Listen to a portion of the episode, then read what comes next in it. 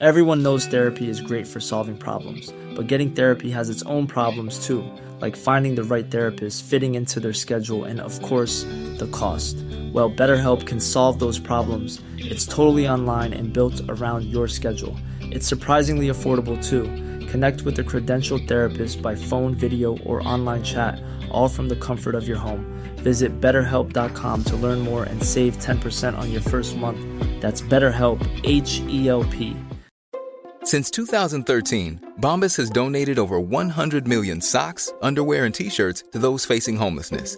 If we counted those on air, this ad would last over 1,157 days. But if we counted the time it takes to make a donation possible, it would take just a few clicks. Because every time you make a purchase, Bombas donates an item to someone who needs it. Go to bombas.com slash ACAST and use code ACAST for 20% off your first purchase. That's bombas.com slash ACAST, code ACAST.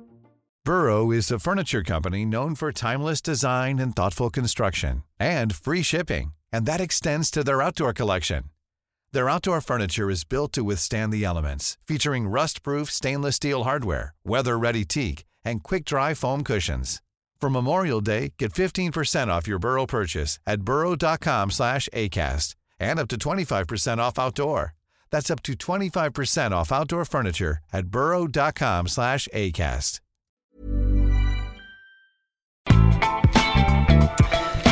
Halloj! Det är nyhetsshowen ju i vanlig ordning vid sjusnåret 16 november. Eh, Linnea Rönnqvist. Hallå!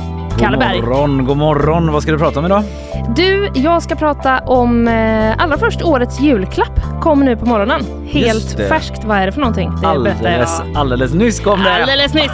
Superfärskt. Ja. eh, sen ska jag också prata lite om vad det egentligen är man slipper om man betalar för Facebook och Instagram. Eh, och, Bra konsumentupplysning. Det Ja. kan man ju inte läsa på direkt. nej, precis. Så jag har läst en liten text som DN har gjort. Ja. Så bra av dem. Ja. Och nu förmedlar jag det vidare. Ja. Eh, sen kommer jag också berätta lite om eh, att svenskar i Gaza har fått eh, lämna. Vi har pratat med Walid eh, som har varit fast i Gaza.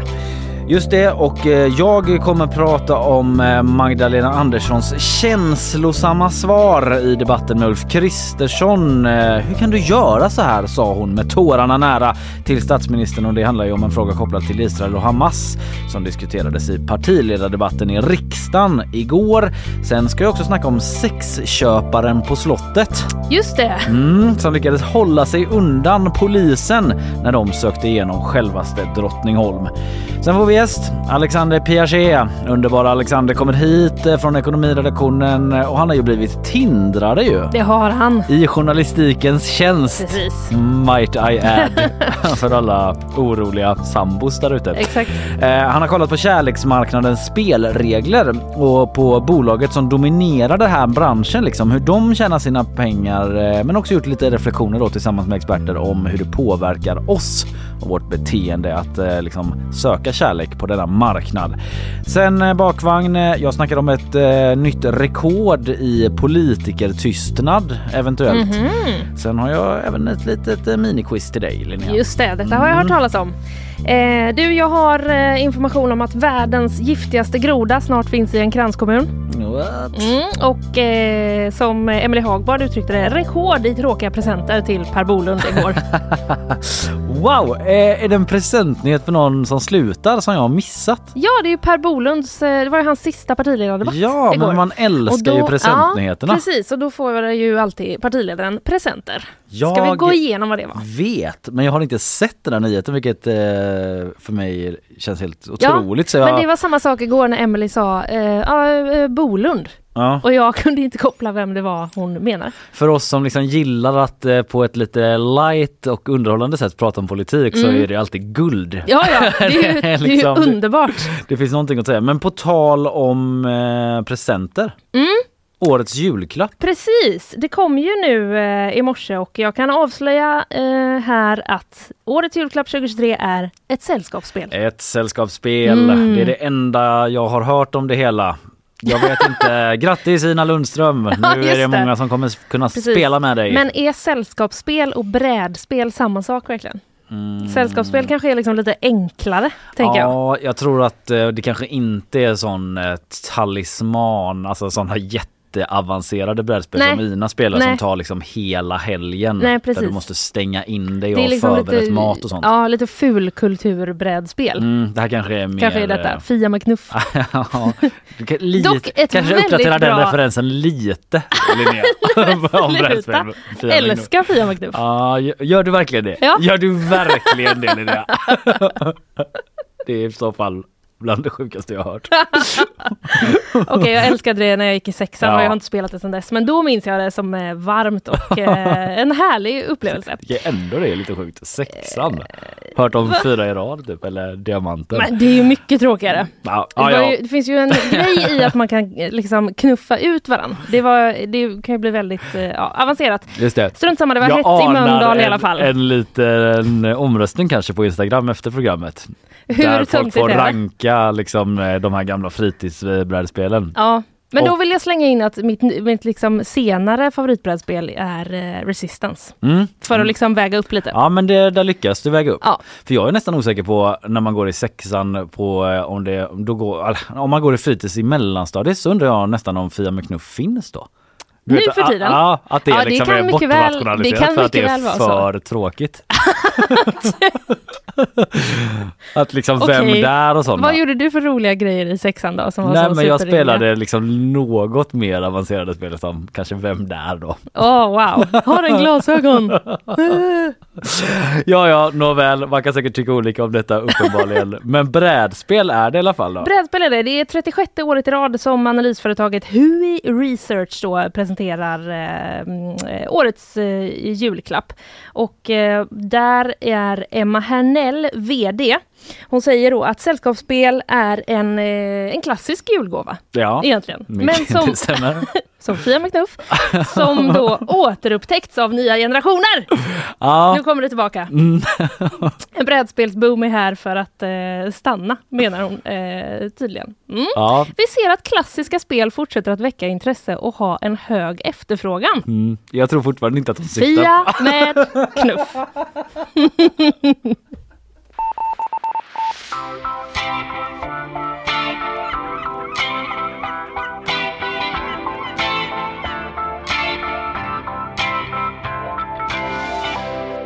Det var som är tråkigare med en uh, Fia med knuff. Du, oh, ouch! Snyggt. Ja, eh, antagligen rätt svar för mitt svar var Fia utan knuff. ja just det. Så det var ju också då korrekt, Korrekt. att eh, Mm. jag är lika tråkig som det skämtet.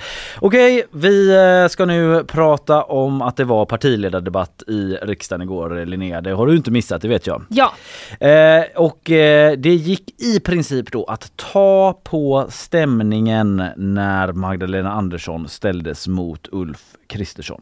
Det är en fruktansvärd anklagelse, Ulf Kristersson. Du är landets statsminister. Hur kan du göra så här? Du hör. ja, så har man nästan aldrig hört henne förut. Nej, det är verkligen något som eh, bryter av mot hur hon brukar låta. Nästan i tårar här alltså Magdalena Andersson från Socialdemokraterna. Så vad var det då för fruktansvärd anklagelse som hon syftade på? Jo, nu blir det lite bakgrund här, för det behövs. Det här handlar om att Ulf Kristersson då i det här fallet pratade om att det finns en viss terrorromantik inom vissa kretsar av Socialdemokraterna som han sa. Och då syftade han specifikt på en S-ledamot i riksdagen som blivit något av ett eh, slagträ får man nästan säga, i den inrikespolitiska debatten om Israel och Hamas och liksom sådär vänstern och sossarnas relation till eh, ja, personer som eh, kanske liksom har kopplingar till Hamas och så vidare. Eller att man typ inte, högern tycker att man liksom inte tar avstånd tillräckligt eller liksom gör upp Nej. med eh, olika liksom dåliga värderingar kring detta som finns. Och den här politikern heter Jamal El-Haj som eh, Ulf Kristersson syftar på.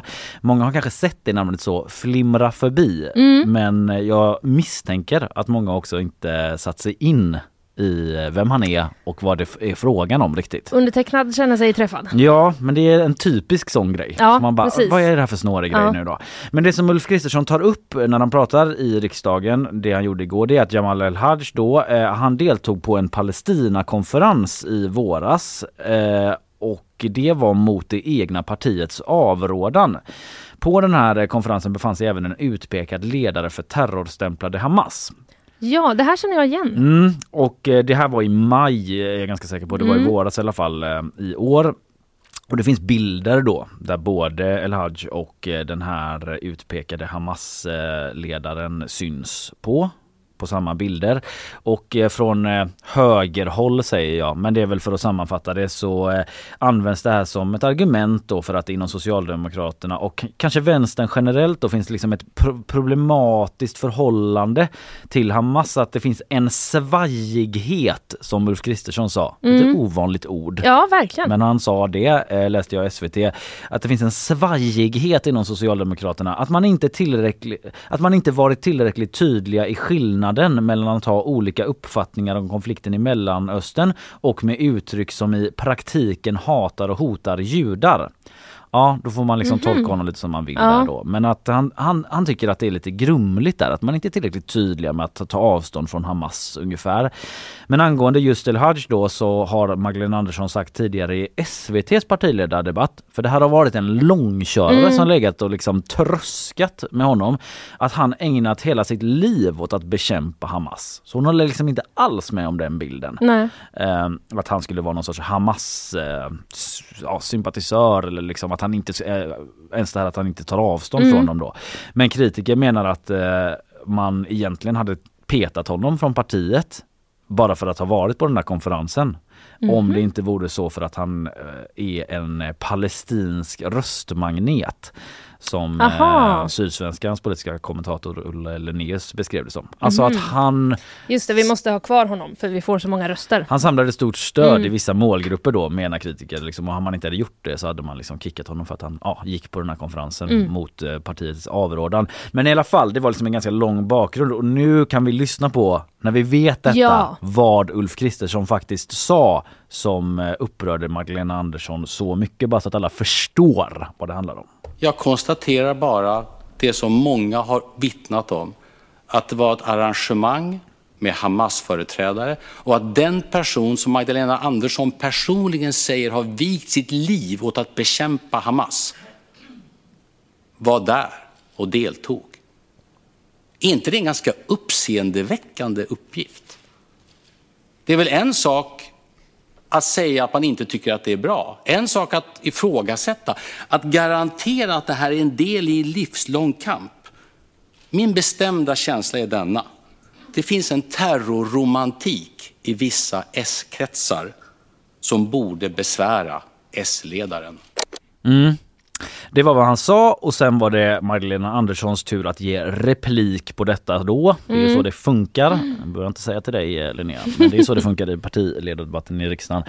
Och det måste jag säga att det händer då när hon svarar en annan grej här som verkligen i det större sammanhanget är en parentes. Men det är en olycklig felsägning Ah. som eh, fick kritiker på X då att göra bakåtvolter av glädje. Ja. Ungefär för att eh, det var liksom gratis hånargodis för dem. Jag bara nämner det för alla kommer höra det tror jag. Men eh, det här var hennes eh, svar då till Ulf Kristersson. Slutreplik, Magdalena Andersson. Ulf Kristersson, herr talman, Ulf Kristersson, anklagar du Jamal Hamas för att ha, vara en terrorromantiker? Ja, Ja. hon råkar ju säga Jamal Hamas. Just det. Det är så himla typiskt. ja, det är väldigt oturligt för henne. liksom the very thing som Mm. eh, han eh, enligt henne då vikt sitt liv åt att eh, bekämpa. Råkar hon ge honom som efternamn. Mm. Ja, Det är liksom Kalle Fia med knuff. Någonting som jag är emot, att någon skulle råka kalla mig det. Mm. Eh, men i alla fall, eh, det är som sagt en parentes i det större sammanhanget. Eh, ja, det var ju inte så att Hanif Bali liksom inte twittrade Nej, om det. nej, det kan jag tänka mig. eh, Ja. det, där var det frenzy. Det trendade fortfarande på X Mm. när jag gick in i studion. Jam, eh, Jamal Hamas. ja. Men som sagt, alla förstår ju vad hon menar. Eh, man kan höra att hon blev upprörd. Eh, för sen blev det ju ännu mer känslosamt då när hon pratade om hur Jamal El-Haj personligen har påverkats av kriget. Han, hans sonhustrus familj utplånades för några dagar sedan. 36 personer. Bortsvepta. I det här fruktansvärda kriget. Och du menar att han är en terrorromantiker? Som står bakom Hamas? Det är en fruktansvärd anklagelse, Ulf Kristersson. Mm. Så lät det och så kom det sista då. Du är landets statsminister. Hur kan du göra så här? Mm. Och ja, det är väldigt eh, annorlunda känsla Än hur det brukar låta. än hur det brukar låta. Mm, Mm. Svar ja.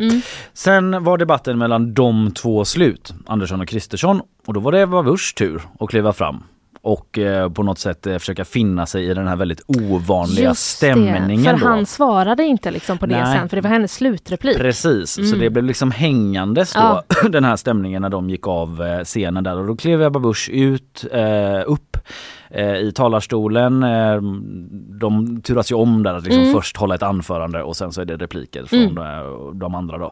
Eh, och hon började med att uttrycka sin sorg över alla som mist livet till följd av kriget och eh, över El Hajs familj självklart. Men hon eh, sa också då att man måste hålla rent i egna led som hon sa och se till att den moderna antisemitismen som nu flödar på gator och torg får eh, tydliga fördömanden.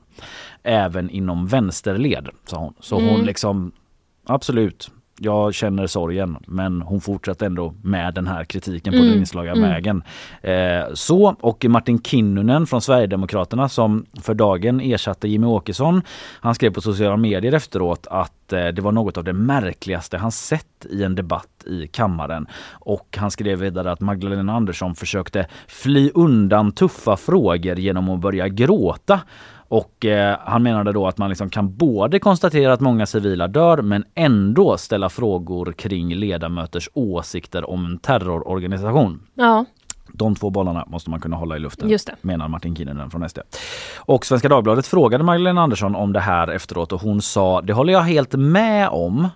Det där, att man Mm. kan prata om båda sakerna. Och det var inte så att jag grät i talarstolen. Jag svarade på Ulf Kristerssons frågor men det är fortfarande han som statsminister som har ett ansvar att ena landet. Ulf Kristersson visade idag återigen att han inte är mogen den uppgiften och jag är väldigt besviken, sa hon. Ulf Kristersson i sin tur då tackade nej till en intervju med Svenska Dagbladet och jag har inte sett att han har pratat med någon annan media efter det här om just den grejen heller, vad jag har sett då. Eh, så frågan, Hur kan du göra så här? den är ännu obesvarad.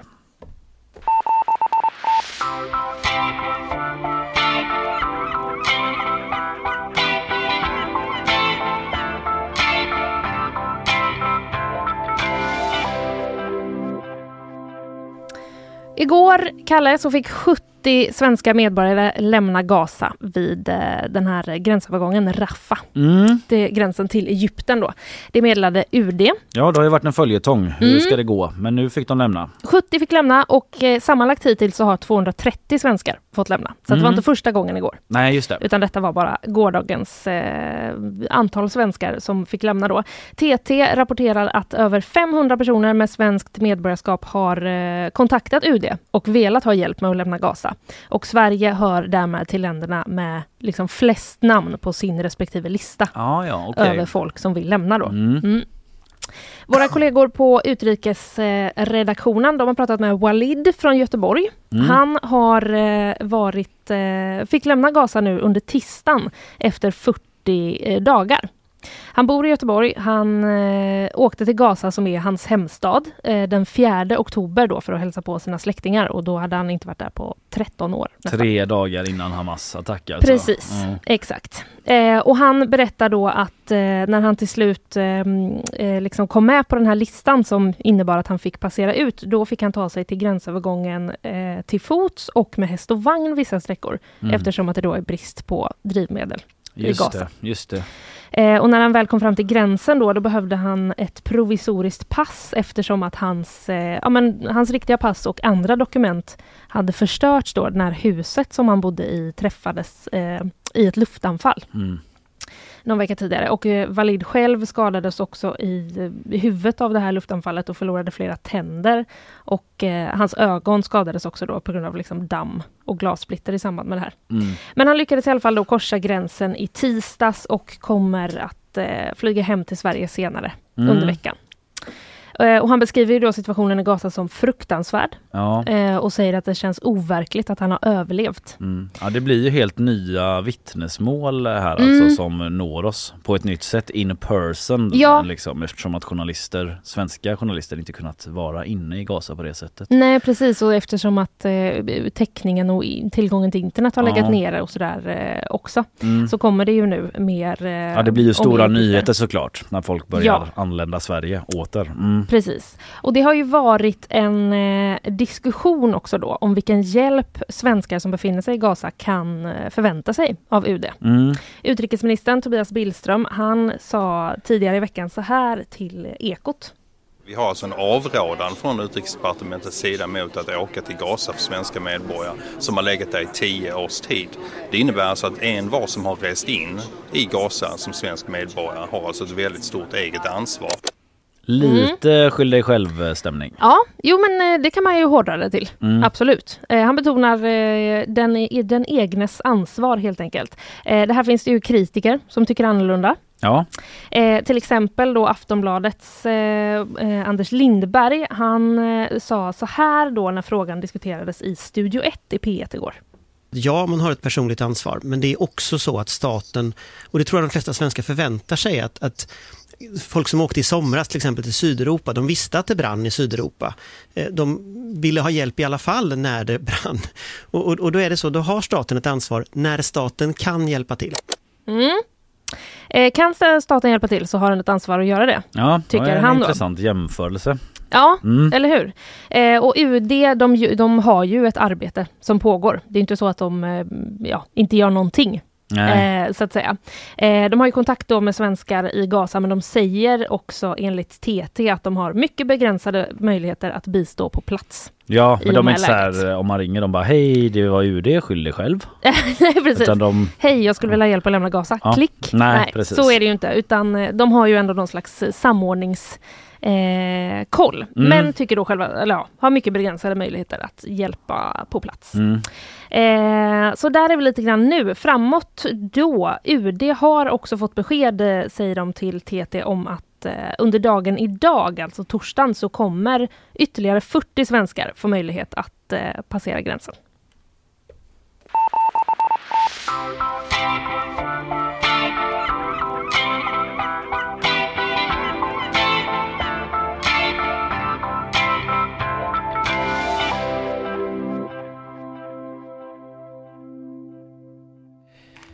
Vi eh, ska få en uppdatering Linnea. Det ska vi! Isabella Persson, eh, du, eh, god morgon säger jag medan du eh, liksom eh, Sätter mig på plats. installerar dig själv var ordet eh, Mm. som jag sökte. Men Mm. sätter dig på plats funkar minst eh, lika bra. God morgon. Eh, god morgon. Vi eh, gör väl så att eh, du får ge oss eh, lite nyhetsuppdateringar. Varsågod. En lägenhet i Norrköping ska i natt ha blivit beskjuten. Flera personer befann sig i lägenheten varav minst ett minderårigt barn. Flera skott avlossades mot dörren men ingen person ska ha skadats. Polisen utreder händelsen som grovt vapenbrott och grovt olaga hot. Ett 40-tal studenter och anställda genomförde igår en demonstration utanför Chalmers. Detta efter att universitetet förbjudit politiska manifestationer på skolans område. Bland annat tyckte studenterna på plats att beslutet var ett sätt att begränsa yttrandefriheten. Man ifrågasatte också tidpunkten och att Chalmers tidigare tagit ställning i andra frågor som Rysslands invasion och våldet mot studenter i Iran. Även studentkåren har ifrågasatt beslutet och menar att det inte förankrats bland studenterna. Enligt Chalmers rektor Martin Nilsson Jacobi så ska det inte funnits någon specifik incident som lett till beslutet men att eskaleringen av våldet i Mellanöstern riskerar att leda till polarisering och att Chalmers då arbetar för att vara en trygg plats oavsett etnicitet eller landstillhörighet. En rysk man ska ha lyckats planka sig in på ett SAS-flyg från Köpenhamn till Los Angeles. Detta framgår i ett internt mejl som Aftonbladet tagit del av. Händelsen skedde i söndags och det ska ha varit under flygningen som man upptäckte att en extra passagerare befann sig på planet. Övervakningsbilder visar att mannen lyckats ta sig, lyckats ta sig igenom passkontrollen utan biljett och sedan gått runt på flygplatsen i 15 timmar. Han ska ha försökt gå på flera plan till bland annat Bangkok och Dublin men nekats men till slut lyckades han smyga ombord på SAS-flyget. När planet landade i Los Angeles greps mannen av FBI. SAS å sin sida kan ställas inför rätta efter incidenten och utreds av dansk polis och danska myndigheter. Ja det blev en manifestation mot manifestationsförbudet i alla fall då på Chalmers som vi misstänkte igår. Ja, så blev det. Det är liksom en fördom vi hade mot eh, politiskt engagerade studenter att de inte skulle vara så här, är det förbjudet? Då slutar vi. Då slutar vi. Nej. Det blev inte så. Ja, Nej. Vi försökte ju få hit eh, rektor eh, Jacobi ja. där eh, mm. från Chalmers eh, men de tackade nej till det. Han hade sagt det han hade att säga. Ungefär så lät det mm. från pressavdelningen där. Eh, det var synd för vi hade ganska många frågor kvar ja, tyckte verkligen. vi som vi tyckte hängde, hängde i luften. Mm. Men eh, vem vet, det kanske var andra saker som kom i vägen. Det kan det ha varit. tack Isabella. vi går vidare. Du är tillbaka lite senare med en fördjupning. Vet du redan nu vad det handlar om? Eller vill du överraska oss? Vi får se. Överraskning.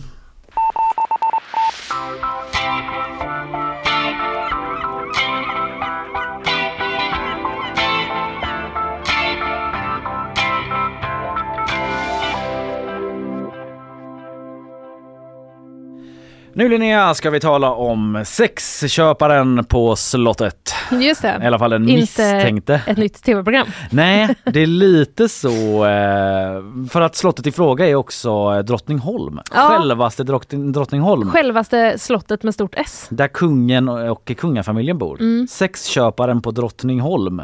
Det låter ju lite så här... Eh, Sexköparen på uh, Drottningholm i dagens avsnitt.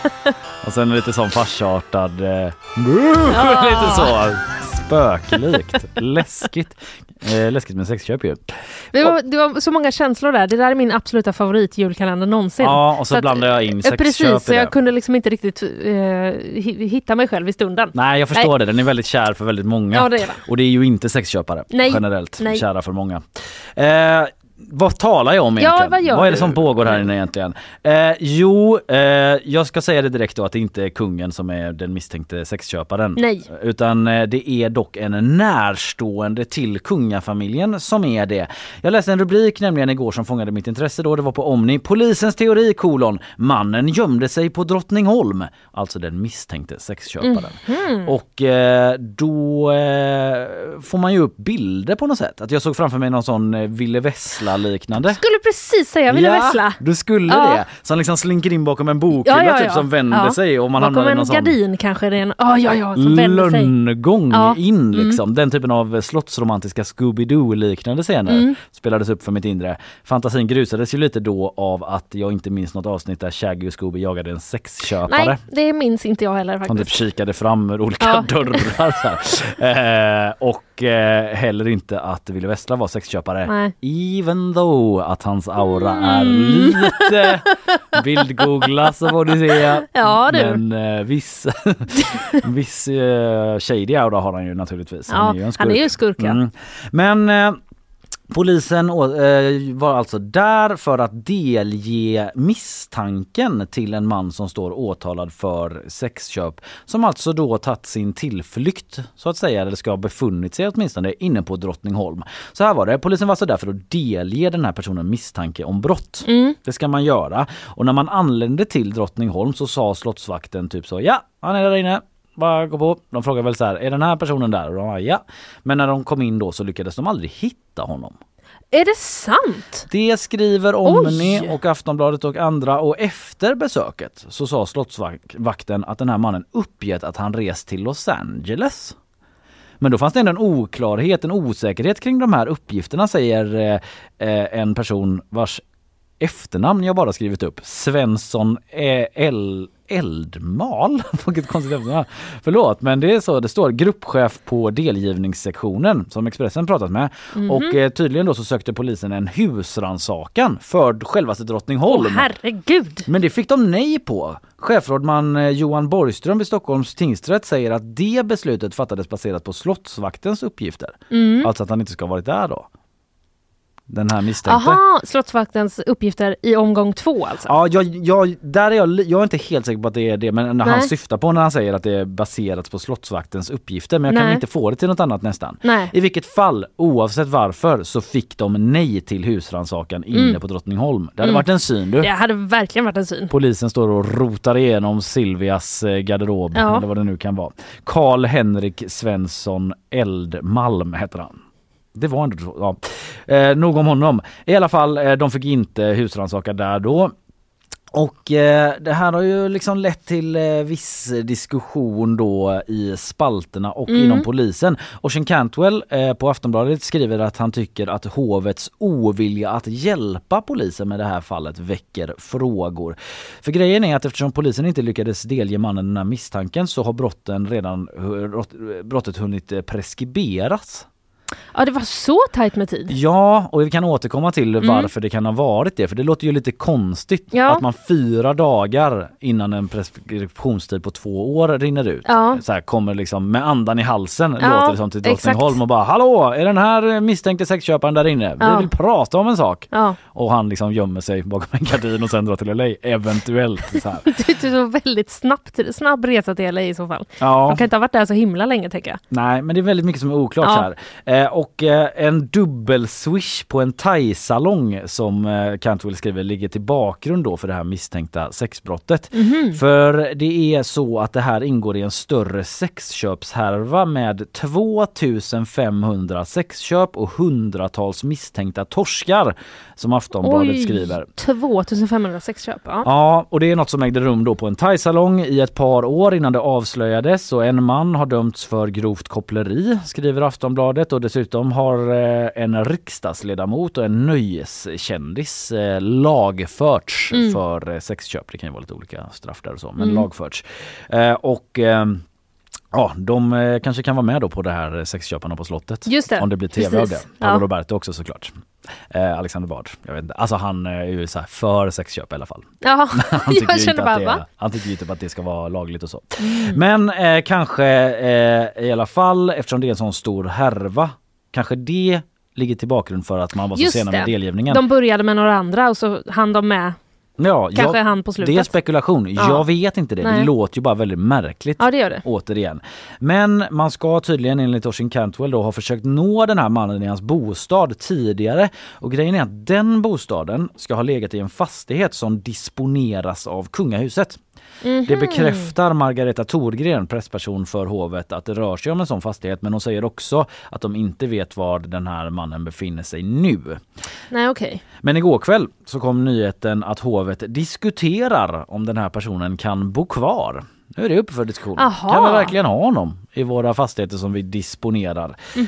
Det som har hänt påverkar kungafamiljen även om det rör sig om en privatperson enligt eh, Torgren som Ja. hon säger. Och också då ju eftersom de aldrig hann delge väl så är det väl inget liksom fastslaget brott. Nej, det finns Misstänker jag. inga sådana juridiska förhinder där, men det kanske är en moraliska Ja, bryderier som Mm. uppstår i huvudena Jag på funderar bara på, kungafamiljen. på vilka grunder kungafamiljen kan säga upp någons kontrakt på en bostad. Ja, om man nu har ett kontrakt. Nu blir Ja. det mycket spekulation men det är visst, Mm. det väcks frågor som eh, både du och Oisin Cantwell är inne Mm. på. Eh, och just det här att husrannsakan nekades för Drottningholm. Det har enligt uppgifter till Expressen då väckt kritik inom polisen. Man köper liksom inte det riktigt. Nej. Man tycker att eh, man visst borde fått det. Vissa då i alla fall enligt Expressen. Och Expressen skriver också att det finns kritik inom polisen mot hovet. Att de inte ska vara tillräckligt behjälpliga. Men då säger Margareta Thorgren att det är deras upplevelse. Säkerhetspersonalen på slottet har gjort allt för att vara behjälplig. Okej. Där går meningarna Mm. isär. Mm. En lite märklig historia där polisen jobbar vidare med att hitta sexköparen på slottet.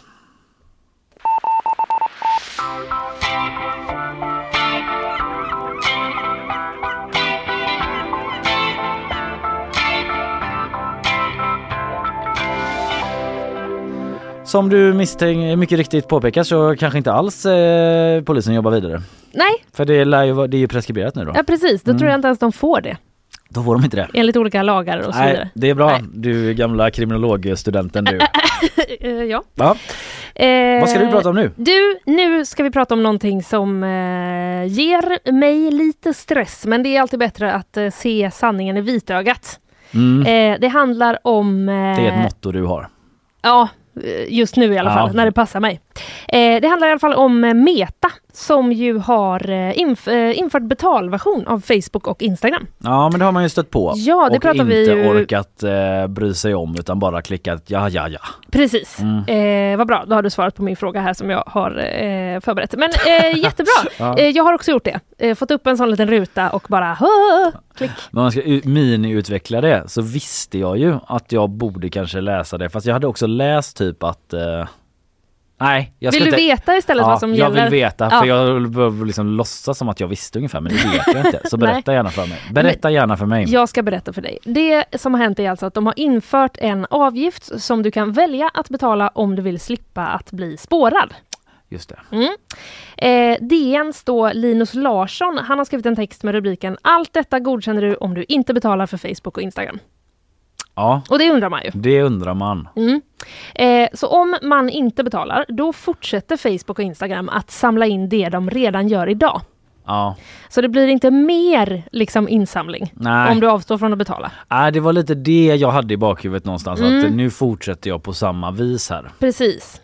Eh, men om vi ska gå igenom lite då, vad är det de samlar in? Ja, för det vet jag ju verkligen inte. Nej, din plats. Ja, Även eh, om du inte har platstjänster och GPS liksom aktiverat så kan de ändå på ett, ett grovt sätt typ uppskatta ungefär var du är någonstans. mm, okej, det hade jag inte riktigt koll på. Nej, bland annat med hjälp av eh, IP, din IP-adress Mm. som du har.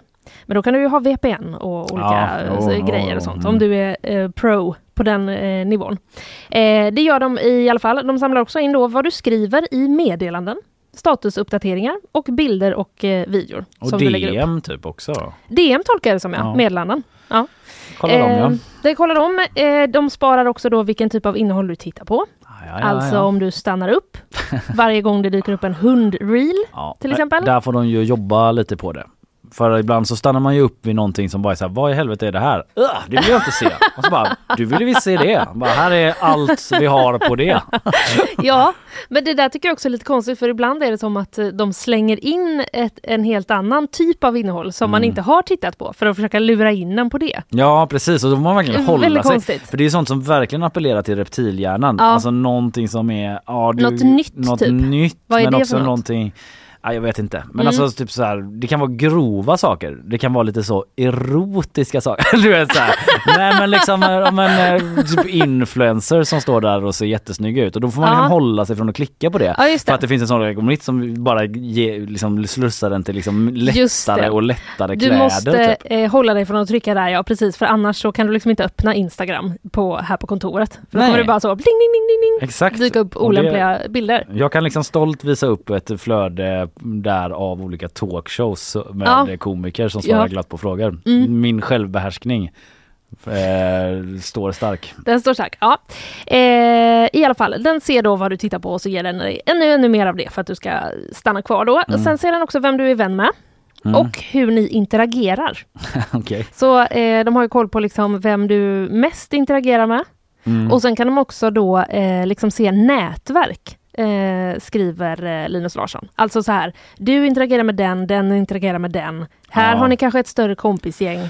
Det förstår man ju hur de, när de eh, sorterar vilka stories som lä- läggs Exakt, fram hela precis. Och när man ska dela någonting, vilka som Mm. kommer liksom överst. Men det undrar jag också till exempel med min sambo då om de kan se att vi befinner oss bredvid varandra väldigt ofta då antar jag. För att vi Ja. interagerar inte så mycket på Instagram. Nej. Men om hon lägger upp någonting så kommer ju det alltid högst ändå Ja, och hon gör det skitsällan liksom. Mm. Så då måste de också ha den plats eh. Det borde de kanske ha. Mm. Kanske också att du, när hon väl lägger upp någonting, snabbt går in och kollar. Ja, Från början kanske det var så. Ja. I alla fall, det här är eh, bara några exempel då. Mm. Det finns en länk i den här artikeln till Metas egen eh, integritetspolicy. Jag har klickat upp den, men eh, jag har ju såklart inte orkat läsa då, för den är jätte, jättelång. Det är det som är grejen. Ja, eh, vi får liksom typ ta in en jurist som läser den åt oss och levererar den eh, lite enklare kanske. Ja. Eh, varför gör de det här? Det vet vi. De samlar in data för att kunna använda då riktade annonser. ja, det är så de tjänar sina Ja, pengar. Det, det känner vi igen sen Mm. gammalt och det är då det som du kan betala dig fri ifrån. Mm. Eh, det finns tydligen viss, lite så här oklarheter i. Du kanske blir lite spårad även om du betalar. Men det som är den, den stora grejen är att de får inte använda det för att ge dig riktad reklam. Nej. Så är det.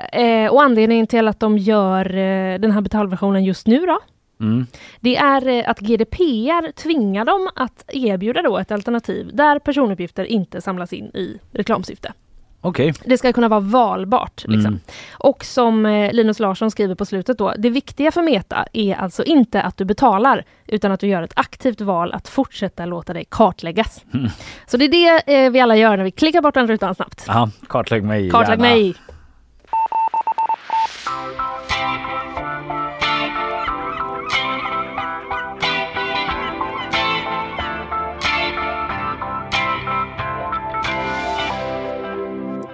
Kärleksmarknaden. Ja, Den har fått nya spelregler, Linnea. det har den.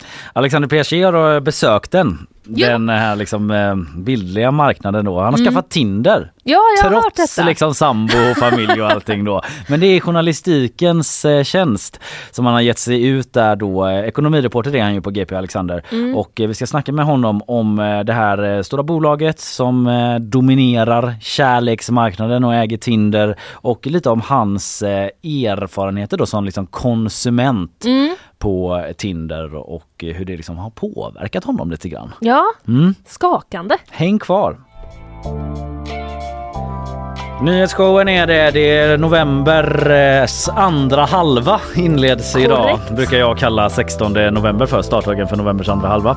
Och det är Linnea Rönnqvist och det är Kalle Berg och nu ska vi prata om kärleksmarknaden. Den Mm. har fått nya spelregler. Vad innebär det då? Jo, att det är rätt dyrt att hitta en partner. I alla fall om man använder sig av Tinder då eller någon annan datingapp som kanske ägs av det här stora moderbolaget som ändå dominerar hela kärleksmarknaden på nätet. Ja, det blir mycket Matrix-känsla hos mig nu på något sätt. Ja, Ja. Du tonar ner den lite Jag tonar ner den. Ja, men eh, hur dyrt det kan bli och hur det här sättet att dejta påverkar oss som eh, människor och kärlekskonsumenter på kärleksmarknaden har vi nu med oss dagens gäst eh, från ekonomiredaktionen eh, Alexander Piaget. God morgon Alexander. God morgon. God morgon. Du, eh, du är ekonomireporter. Mm. Varför ville du ge dig på det här med Tinder? Eh, alltså jag tror det börjar med att de lanserar en ny, någon, det kommer någon så här liten nyhet typ, de lanserar en ny tjänst för 5000 kronor i månaden. Ja, oj. Eh, någon så här su- superabonnemanget Ja. för eh, dig som behöver allt. Mm. Typ. Dig som då, är eh, tråkig och Ja ful. men det, det var det som fick det att bara så här, vad det här är ju något sjukt liksom. Ja, Eh, det måste jag ju ta reda på mer. Eh, det och- var ingången. Ja, Vi kan ju säga direkt då att du har ju då sambo Ja. och familj och sådär. exakt. Eh, Så det här är ett experiment. Ett journalistiskt experiment. Och jag har även, eh, jag har även förankrat det eh, med min sambo, så hon, hon vet Ja, om bra. det och Mm. är med. Så det kom inte som en överraskning när du Nej. satt och swipade i soffan bara, vad Nej. gör du Nej, Alexander? hon sa, du, du har ju ändå inte tid att ha någon annan flickvän. så, så det är okej. Ja.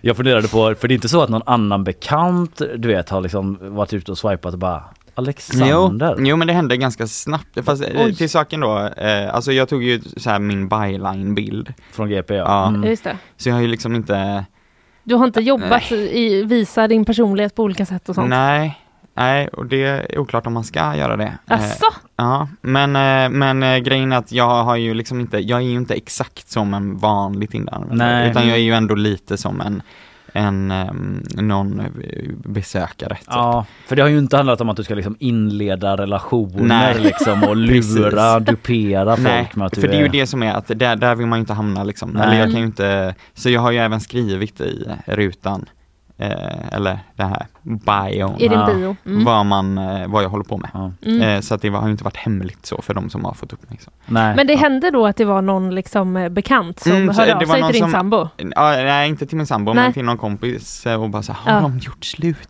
Ja. Så bara, nej. Ja. Okej. Nej, Men jag får, jag tar bort den nu. Ja. Ja, nu Ja. är det slut. Nu är det Ja. slut. Men eh, Tinder då, det ägs ju av Match Group som äger massa andra datingappar. Eh, Hur stor eh, del av eh, om vi kallar den då kärleksmarknaden, datingmarknaden Mm. kanske man ska säga. Hur stor del eh, har de? Alltså grejen är att de eh, berättar ju inte så mycket.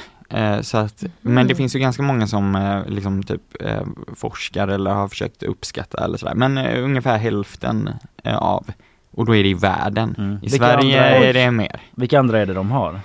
Eh, alltså de har ju Tinder då, Mm. den är ju stor i Sverige. Mm. Och sen har de ju den här Hinge. Just det. Eh, Ännu större nästan. ja. På det- gång. Mer på gång, ja Mm. och ganska, blivit ganska stor ganska Ganska snabbt. Ny, ganska snabbt ja. Ja. Och sen eh, OK Cupid. Det är väl de tre stora. Den eh, har jag inte stött på. Nej. Eh, utan den läste jag bara om Mm. i deras årsredovisning. Ja. Ja. Men ehm, när du väl hade skaffat Tin- Tinder då, liksom Mm. som ett led i detta, vad, vad, vad upptäckte du? Vad kom du, eh, vad kom du fram till? Eh, alltså eh, precis, jag har ju också varit ihop med min sambo så länge så att eh, det var ju liksom första gången. Eh, jag har aldrig haft eh, Tinder innan eller så här, utan det var ju liksom en färsk blick. Mm.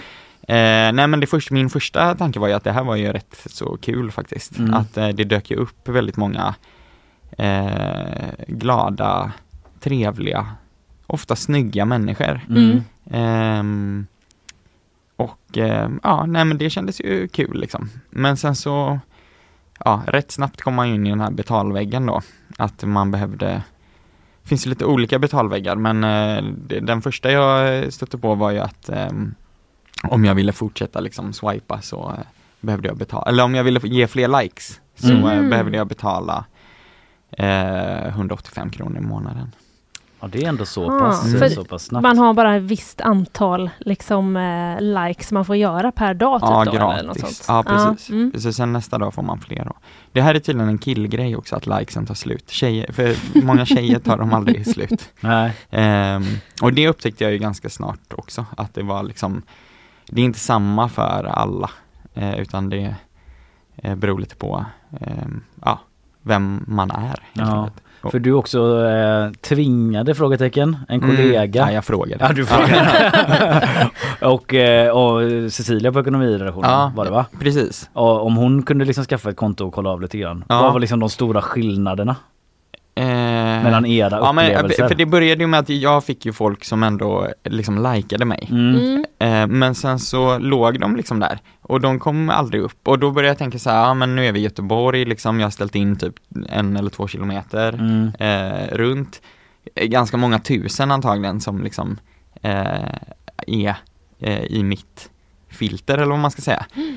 Ehm, och de här som like, de kom ju liksom, för de kom ju aldrig upp. För du ser bara en siffra att så här, så Ja, här många personer Eller jag har, ser så här, de Ma- ligger här Madeleine har någonstans. likat dig Ja. och så är det så här blurrad bild Ja. och Så måste du vänta till att hon kommer upp i din Precis. kortlek liksom. Eh, och då ehm, gjorde hon ju inte det, eller Mm, liksom mm. så. Ehm, och då tänkte jag det här kan ju ta rätt lång tid. Eh, och jag kände ju väldigt mycket hur de ville få mig, för jag kan ju betala då för att få reda på Just vilka det. de här Mm. som har likat mig är. Det är lite, det kostar 309 kronor i månaden. Aha. Tinder Gold. Mm. Gud, det är sådana liksom ekonomiska eh, påtryckningar eller förslag eh, hela tiden Ja, då? precis. Ja. Ehm, och då så, det var så jag lite så här bara undrar hur det är om man är tjej. Mm. Och då ehm, fick jag Cecilia att skaffa en likadan profil, också Mm. med sin byline-bild. Eh, och där rasslade ju till utav helvete alltså, Mm. direkt. Första. Det, det var inte ens mätbart till slut. nej, nej det var, för, för, alltså min första like var bara såhär, boom, it's a match. Ja. Man bara okej. Ja. Eh, och sen så gick det ju typ en timme, sen hade hon ju liksom 99 plus. Mm.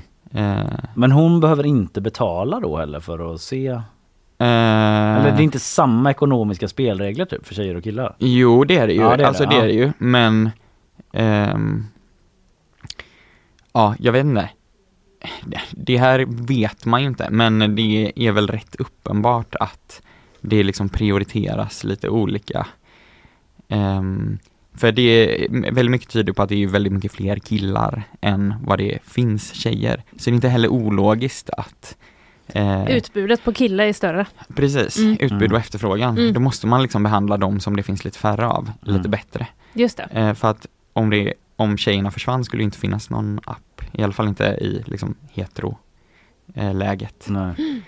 Men eh, alltså datingappar då generellt, eh, det har ju sedan ett tag tillbaka och det fortsätter väl men blivit eh, typ det vanligaste sättet att träffa en Mm. partner på. Och eh, du har också pratat då med en sociolog som heter Marie Bergström och hon menar att eh, de här apparna också avsexualiserat andra potentiella mötesplatser. Mm. Hur menar hon då? Eh, ja men typ, eh, nu är det den, just den här eh, studien är från USA, Mm. men där var ju liksom familjen, vänner, eh, kyrkan, skolan var ju de vanligaste, alltså nu är vi på typ 50-talet. Mm. Och sen var ju gemensamma vänner var ju liksom eh, helt dominerande eh, hela Mm. modern tid. Och sen så kommer ju liksom apparna och även liksom bar, krog kommer ju svinstarkt efter ja, senaste tio åren typ. Mm. Eh, lite längre kanske. Men och då är ju dels att man träffas via dem men också att man förhåller sig typ till att de finns. Alltså, eh, ja, som hon sa då Marie att eh, det är liksom mycket mindre accepterat att ragga upp någon på firmafesten Mm. eh, nu än vad det var tidigare. För det finns appar för sånt. Ja, Mm. det, är- man, det sköts snyggare där liksom. Ja, och Mm. man behöver liksom inte, alltså man, för det som en datingapp liksom erbjuder egentligen, för det tänkte jag också ganska mycket på, vad är det här för problem liksom som det löser? Swish löser ju liksom problemet att eh, jag behöver inte ha med mig kontanter utan jag kan ge dig 12 Mm. spänn för en glass. Ehm, men vad är egentligen det här? Och då... Vad är det eh, för glass som kostar 12 spänn idag? Inflationen säger Alexander. 30 38 spänn. Ja, ja. Ehm, ja men förlåt. Ja, nej men, nej, men eh, problemet som datingappen löser är att man, man får ju eh, träffa främlingar.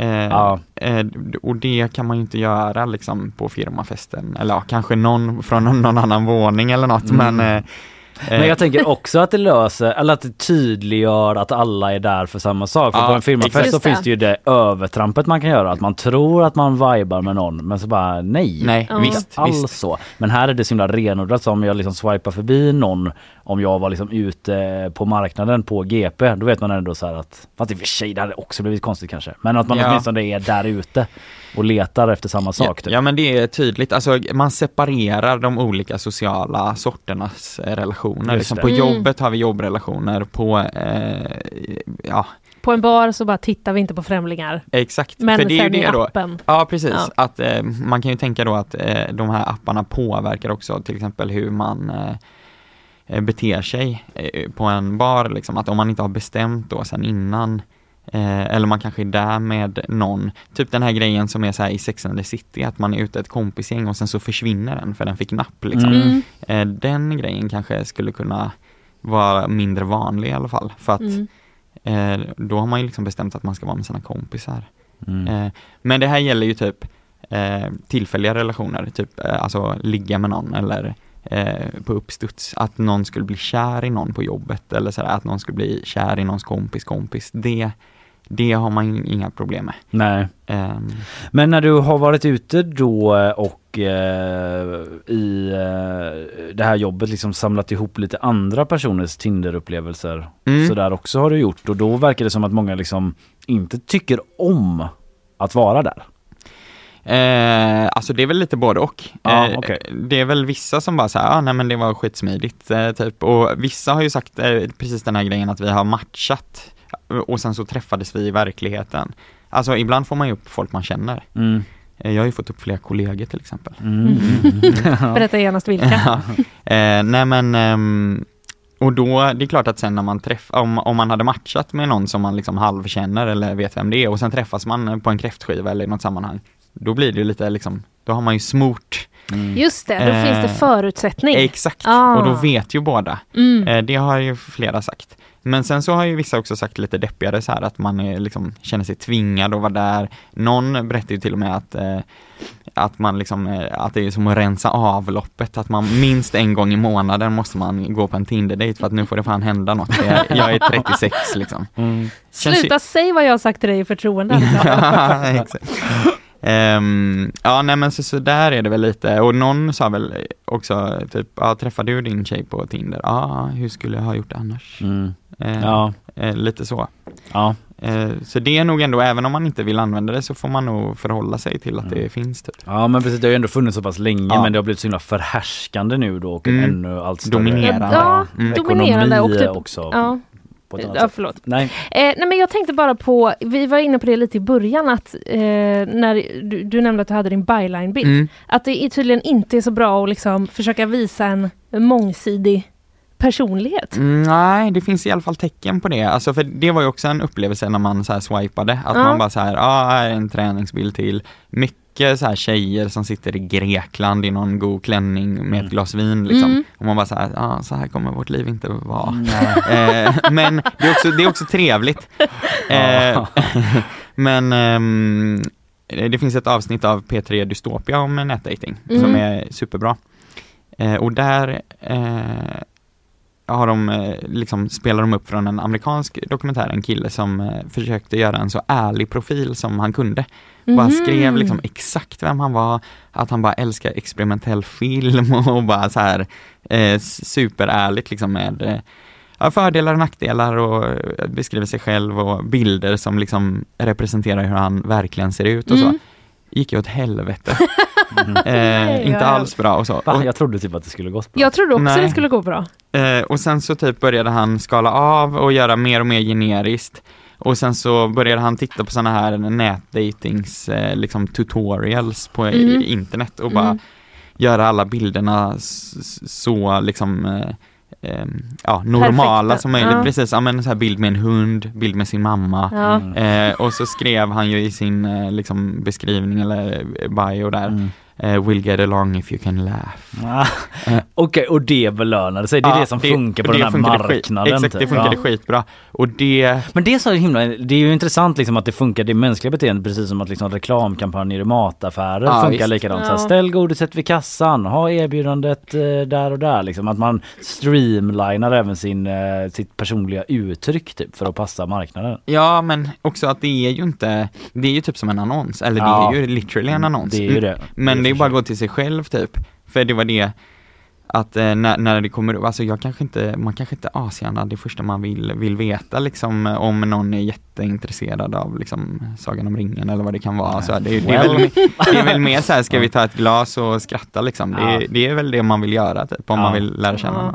Jag kan flika in att eh, som motsvarighet till den här eh, tjej i Grekland dricker ett glas vin Ja. så finns eh, kille sitter bakom någon slags ratt i en pytteliten motorbåt och ler. Ja. Det, det, det är motsvarigheten från, från andra. Mm. Antagligen sidan. för att det funkar. Ja. Antagligen för att det funkar. Det Men det väcker också frågor om liksom hur många båtägare som finns egentligen i den här staden. Det kan inte vara så många. Det skulle vi sätta ett sånt AI-gräv på och se hur många gånger en och samma båt förekommer. Exakt. Vet om det är någon båt De som har bara runt. turats Det kanske är mitt nästa jobb liksom. och, och besöka Ja. alla de som hyr ut sina båtar. Ja men lite för att runda Alexander, det är ändå så, eh, det är ju inte så att de liksom delger all statistik då från Tinder och eh, det här bordbolaget men eh, tror du att det är killar som betalar mest också på Tinder? Eh, det tror jag verkligen. Ehm, sen är det ju, alltså elefanten i rummet är ju så här att man, jag frågar till exempel min väldigt musklig kompis Hector, Mm. eh, som är, har mycket succé på Tinder, Mm. eh, att är det så här att man eh, måste betala för att få likes? Och då svarar han att ja, det är ju killar som inte får likes tror ju att det är så. Jaha, ja. Eh, Ah. men, eh, Hector, krossare av verkligen. Ja. Eh, nej men eh, jag tror nog ändå att det är så, och det är ganska logiskt ändå, skulle Mm. jag säga. Ehm, att eh, det är liksom tillgång och efterfrågan, de som, Mm. de som det finns minst av, de måste man liksom vårda. Mm. Har vi blivit Match Groups handelsvaror då? Mm, nej, Nej, nej. det finns fortfarande. Ja, Andra eh, plattformar. och det sa ju hon forskaren också, att så här, har, vi, har våra vänskapsrelationer blivit varor för att vi började med Facebook liksom? Nah, Nej, eller delvis bara. Men Ja. både och liksom. Det är väl upp till en själv liksom, men Ja, om man betalar för att inte liksom eh, ge all information om ens vänskapsrelationer så de kan göra reklam av det. Och så, ja, på så vis har det ju det. Precis, ja det Ja. Men inte bara. Nej. Alexander Piaget, alltid ett nöje att ha dig med oss, ekonomireporter på GP och eh, jag skulle säga, nu blev det en sån eh, Jamal Hamas grej för jag skulle säga Tinder och då höll det på att bli GT. Oj, Och det är också dumt för det där är ju... slutade jag för länge sedan. Vi har jobbat där tillsammans Är det tiden. GPs egen eh, eh, dating-sajt som vi eh, lanserar här nu. Göteborgs-Postens Tinder. Som en diss också för GT är så små nu. De finns ju knappt kvar. Precis, precis, bara gå in och äga deras varumärke. Också en referens till att jag och Alexander träffades första gången på GT. Ja, det var fin, det var och den vackra kärlekshistorien har ni liksom hört eh, en bit om nu. Det är ett annat avsnitt. ja, det är det. Okej, vi sätter punkt där. Eh, Alexander Piaget, tusen tack. Tack. Vet du vad som når mig via producent Emily? Nej, do tell. En printscreen på eh, P3 Nyheters Instagram. Jaha, P3 Nyheter är ju kända för att vara väldigt unga och coola och hippa. ja för all del. Och vet du vilken bild de har bildsatt nyheten om årets julklapp med? Fia med knuff. Fia med knuff. Okej. Och det bevisar alltså vadå? Att du är Att det- ung, hipp och tuff. Precis som Peter Nyheter. Nu går vi vidare bara. Jag tror att de är ironiska när de lägger Nej. det. Men det, det tror jag. Det är det så unga, hippa och tuffa de är. Att de eh, är så här, det är klart att ingen liksom köper Fia med knuff utan det är bara så här, nu tar vi alltså jag tror att det kommer få en revival. Ja. Eh, jag tror verkligen, verkligen inte det. Eh, det kommer nog puttra på med samma låga intensitet bland väldigt, väldigt små barn. Tror jag. Men eh, det jag skulle säga innan jag börjar svamla också att Alexanders artikel om kärleksmarknadens nya spelregler finns ju på gp.se. Ja, det finns den. Innan jag sa fel. In och läs. In och läs. Nu har vi med oss Isabella Persson. Vad har Ja. du med dig? Vad står på menyn? Första gången, eh, för första gången på ett år så har Joe Biden och Xi Jinping träffats. Första gången på ett år säger du? Ja, det är ju USAs president och eh, Kinas. Mm. Och eh, detta skulle ha skett igår då, eller det skedde igår. Mm. Eh, Det är inte du som har uppgifter Nej, om nej, att nej. det skulle Jag har ha skett. Ja, det bildbevis. finns bilder. Ja. De, det jag tyckte var väldigt gulligt, de träffades i samband, eller, i samband med eh, den interna- interkontinentala samarbetsorganisationen Apex möte. Det var inte det som var så gulligt utan att de avslutade sitt möte genom en, med en promenad i parken. Så finns det en sån bild där och så. Mysigt. Är det någon som står och pekar på en blomma? Ja nästan så Ja. Faktiskt. Så Men- vanliga personer men eh, kanske att det är Vanliga lite... personer. Men det finns ju också den här vinkeln som är lite mer den Game of Thrones eh, Walk in the Park. Att Okej. där går de ju alltid i Kungliga trädgården och liksom planerar olika Alla- stora konspirationer Mm. För att ta över mm. världen och Just så. det, just så det. den vibben kan man ju också Ja, läsa in. Harpsundsekan har vi ju här i Sverige. Exakt, Mm. bra där. Men det har ju varit en rätt kylig relation de här två emellan det senaste året. Ja. Ja. Minns ni en spionballong? Ja, självklart gör vi det. ja. We're calling it an object. Just det. It's Ja. the best word we can find right now. Något sånt var det väl? Det var i februari som de, eh, USA sköt ner den här eh, ballongen och som då påstås vara en eh, kinesisk spionballong. Och det gjorde ju att hela den här relationen har varit rätt kylig som har jobbat febrilt med diplomatin för att få till ett möte. Pandadiplomatin till exempel. Ja, kallades det så eller vad då? Nej men det är väl det där de håller på med. Alltså det är väl en grej det där att de Kina håller på och ger pandor till olika länder.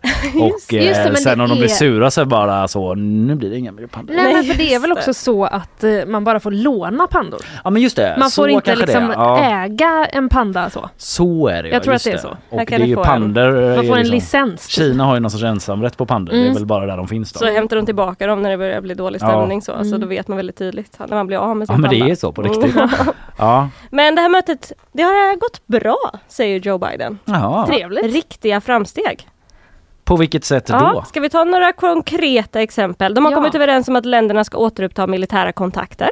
Mhm. En amer- anonym amerikansk talesperson säger att det skulle kunna innebära ett möte med, eh, mellan eh, försvarsministrarna. Anthony Blinken är väl USAs försvarsminister. Nej, utrikesminister. Eh, strunt samma. Jag kan Ja. komma, jag ska ta fram med vad han heter.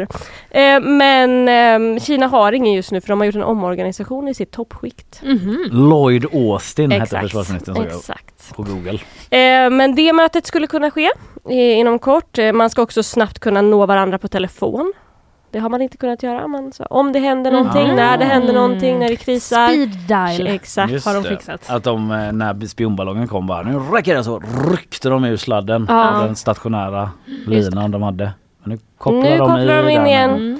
Mm. Eh, och så var det också en eh, bekräftelse egentligen, de har varit eniga om det här tidigare men det bekräftades nu att eh, man är överens om att Kina ska slå ner tillverkare av fentanyl eller andra ämnen som krävs för att eh, göra den här drogen och att man ska stoppa exporten till USA. Just Så där har de mm, bekräftat liksom. Det är ju en jättestor fråga i USA. Så Ja, många som dör eh, av fentanyl Mm. eller konsekvenser och så där. Ja, Mm. och det hade man ju varit eniga om det här tidigare men det liksom ändå bekräftades nu. Mm. Mm. Däremot då så en sak man inte lyckades enas om eller man kom överens om är att man inte närmade sig frågan eh, varandra i frågan om Taiwan. Nej, Nej, den det. är ju den svåra Den pucken. är svår. Taiwan, då ska vi ta det. Nej, vet ni Nej, vad? vi tar nu annan. eh, har vi fått så mycket bra här så vi quit while we're ahead. Jag tänker också så att de hade, det var, jag tror att det var fyra timmar långt mötet så det var ändå ganska så här men det känns ändå Mm. Men det är som inget att man det är- löser Taiwanfrågan Nej, på. nej, Nej, då krävs hade den lite väl mer tid. redan varit löst så att Ja. säga, om det Ja. bara var ett fyra timmars möte Ja. Ja. som krävdes. Ja, ja, men eh, det pågår liksom stilla droppar singlar ner i någon typ av eh, kanske långpanna som man ställt under frysen Just när det, det. frostas Just det. av då. Mm. Det Den hade- här eh, metaforiska frysen som jag liknar relationen mellan USA Ja. och eh, Kina med. Goda relationer är väl bättre än kyliga relationer. Så, så är det Isabella. I sanning, en sanning. Truth bomb. Ska vi ta något annat som har med relationer att göra och avsluta med då? Ja, det gör vi. Idag kan Sveriges framtid i NATO avgöras. Idag? Ja, det kommer inte bli något fast beslut eller liksom ett besked. Det är alltid så. Men... Men... Ska du gaslight oss Nej, nej, nej, nej, nej, inte än, inte än. Men kanske ett stort steg framåt i alla fall. Mhm. Klockan 11 idag samlas turkiska utrikes turkiska utrikesutskottet. Punkt tre på listan är Sveriges NATO-ansökan. Mm. Så då ska de diskutera, eh, det är de här två stegen kvar i Turkiet, vi har ju Ungern kvar också men det låter vi vara för nu.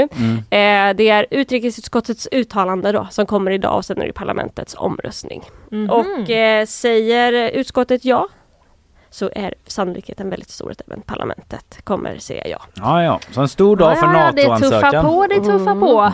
Det gör det. Okej, tack Isabella. Tack så mycket.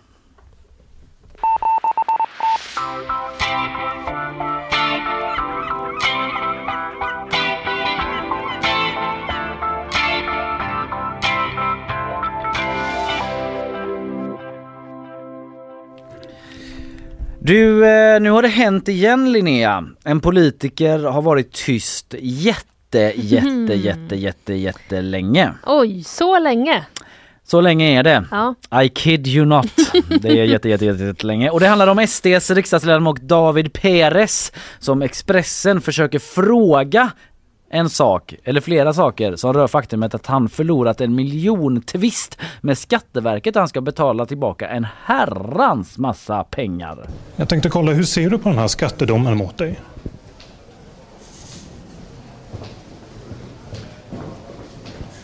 Du har nu ett skattekrav mot dig på 8,5 miljoner kronor. Varifrån ska du få de pengarna?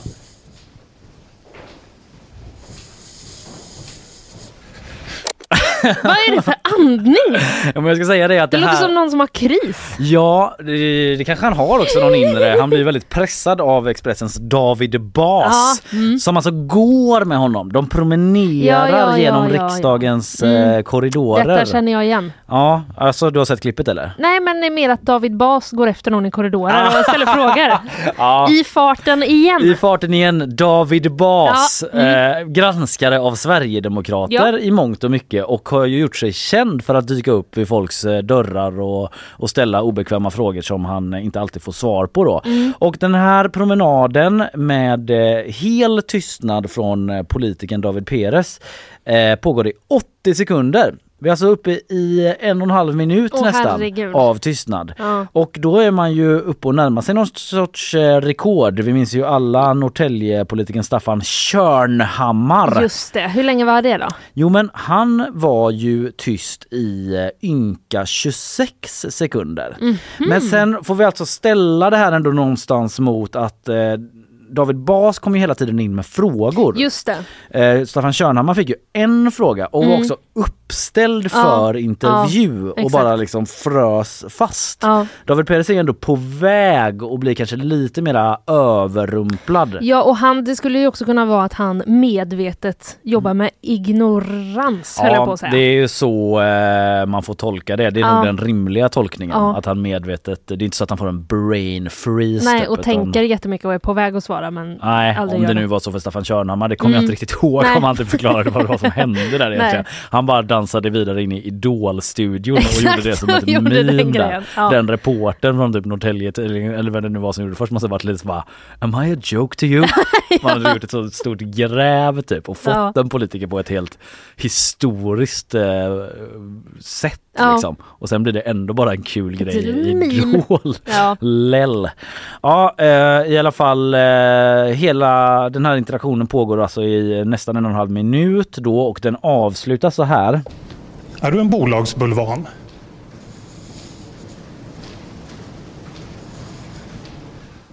David. David. David? Och då går han iväg. Alltså båda heter ju David. Men ja, båda heter David! Det är David Bas Just det, för eh, jag trodde att det var första gången vi hörde från politikern. Bara, David. Typ gav honom en sån en en trött halv blick och bara, nu Det hade är det vara. Men Han heter ju David Perez, Just det. den här SD-riksdagsledamoten Mm. då. Ja men det handlar ju, nu undrar ju folk vad det, det handlar om detta och Ja. eh, jag kommer ännu mer till det men liksom det är i alla fall, han säger David och så försvinner han upp för en trappa och eh, det är inte med i klippet men Expressen skriver att han har sagt så du får inte följa med mig här, säger han och försvinner in på Sverigedemokraternas riksdagskansli. Ja, tydlig kommunikation.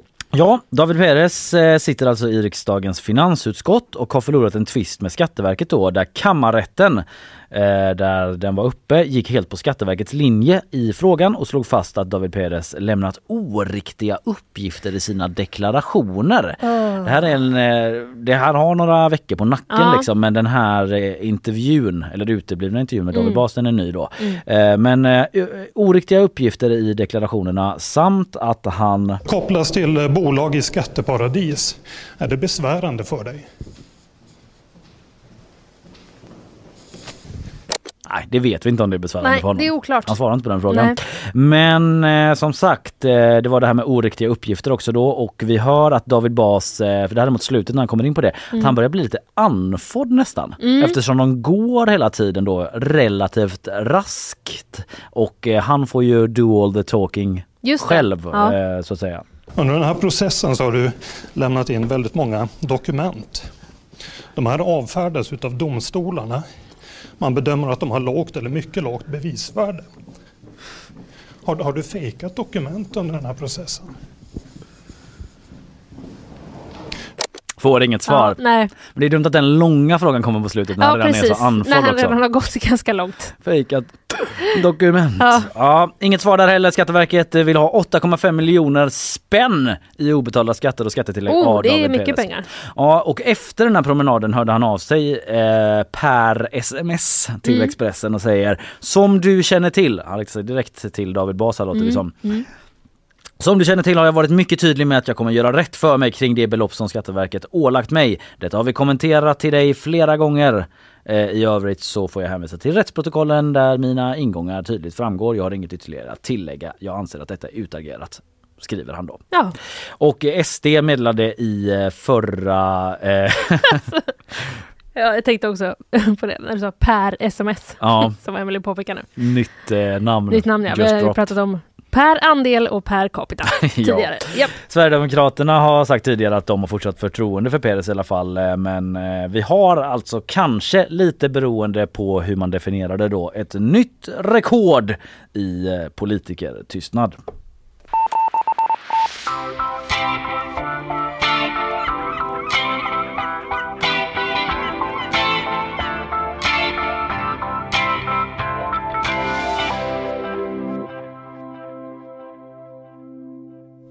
Eh, världens giftigaste groda ska vi prata om nu och det får mig att inse att det finns en viss liten signatur man skulle kunna spela. Om man till exempel har lust så Eh, ja, går det. Det går väl eh, utmärkt. Djurens djurnyheter, vad är det det heter? Borås djurpark importerar världens giftigaste groda. Vad gör ni Borås? Varför? Det kan bara sluta i katastrof! eh. Eller, de har säkert en plan. Världens giftigaste... Jag börjar om. Mm. Världens giftigaste groda kan orsaka förlamning och hjärtstopp bara man nuddar den. Ja, man har ju hört om sådana här giftiga grodor, ursprungsbefolkningar som så doppar sina pilar i sånt och skjuter. Exakt. Pua! Mm. I Tintin, jag vet inte hur Vet sant du vad? det är. Det, Det- finns ju viss så desinformation i Tintin, lugnt sagt. Men Ja. Vet du att det verkar som att det är helt sant för att eh, nu importerar Borås djurpark tio stycken också till och med. wow. Giftet har utnyttjat för att förgifta pilspetsar i jakt, säger där, ja. Johan Jönsson, zoolog på Borås eh, djurpark. Mm, det är ju så ja. Det är alltså den gula eh, pilgiftsgrodan. Den är nog döpt efter sin, sitt användningsområde och inte använd efter vad den heter. Misstänker jag. Nej, att den inte hette så. Pilgiftsgroda? Det kanske är något för min pil. Och jag vill ju ha Och mina gift. förgiftningsambitioner. ja, exakt. Okej, den går också under namnet läser jag, gyllene kokojgiftgroda. Mm. Eh, lever i regnskogsmiljöer längs Colombias eh, kust och är starkt, starkt eh, hotad. Och det som har hänt nu då är att Borås djurpark har lämnat in en ansökan, det är väl skönt att man måste ansöka ändå om sånt Ja. här kan jag tycka, eh, till Jordbruksverket om att då få importera 10 exemplar, bland annat för att bidra till ett bevarandeavelsprogram. Mm. Ja det är ju det de sysslar mycket på i djurparker. Det var det ju med chefen för Borås djurpark här. Ja, Som eh, pratade, det var ju när det var lite stormigt om djurparkerna. Precis. Och liksom tryckte mycket då på det här bevarandeuppdraget de Exakt. Mm. exakt. Vi håller på att bygga en regnskogsmiljö i ett terrarium i aphuset där de ska vara, säger då eh, zoologen Johan eh, Jönsson. Mm. Och det är alltså världens i särklass giftigaste ryggradsdjur. Ja, och då antar jag att apor liksom eh, har det i sig att inte vara och talla på dem liksom. Ja men jag tror att de kommer kanske bygga liksom, eh, ja, någon slags barriär Ja. mellan detta. Det är väl i aphuset men det, kan, men det var ju ändå ett terrarium sa han. Mm. Och de brukar ju vara så att säga Ja, hermetiskt tillslutna. Wow Linnea, Mm. du imponerar på mig varje dag.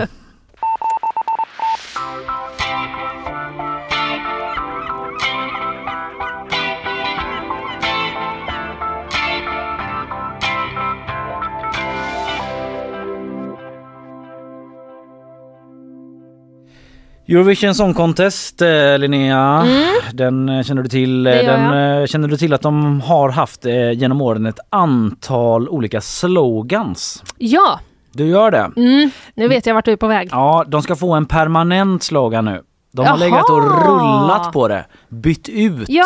och haft olika.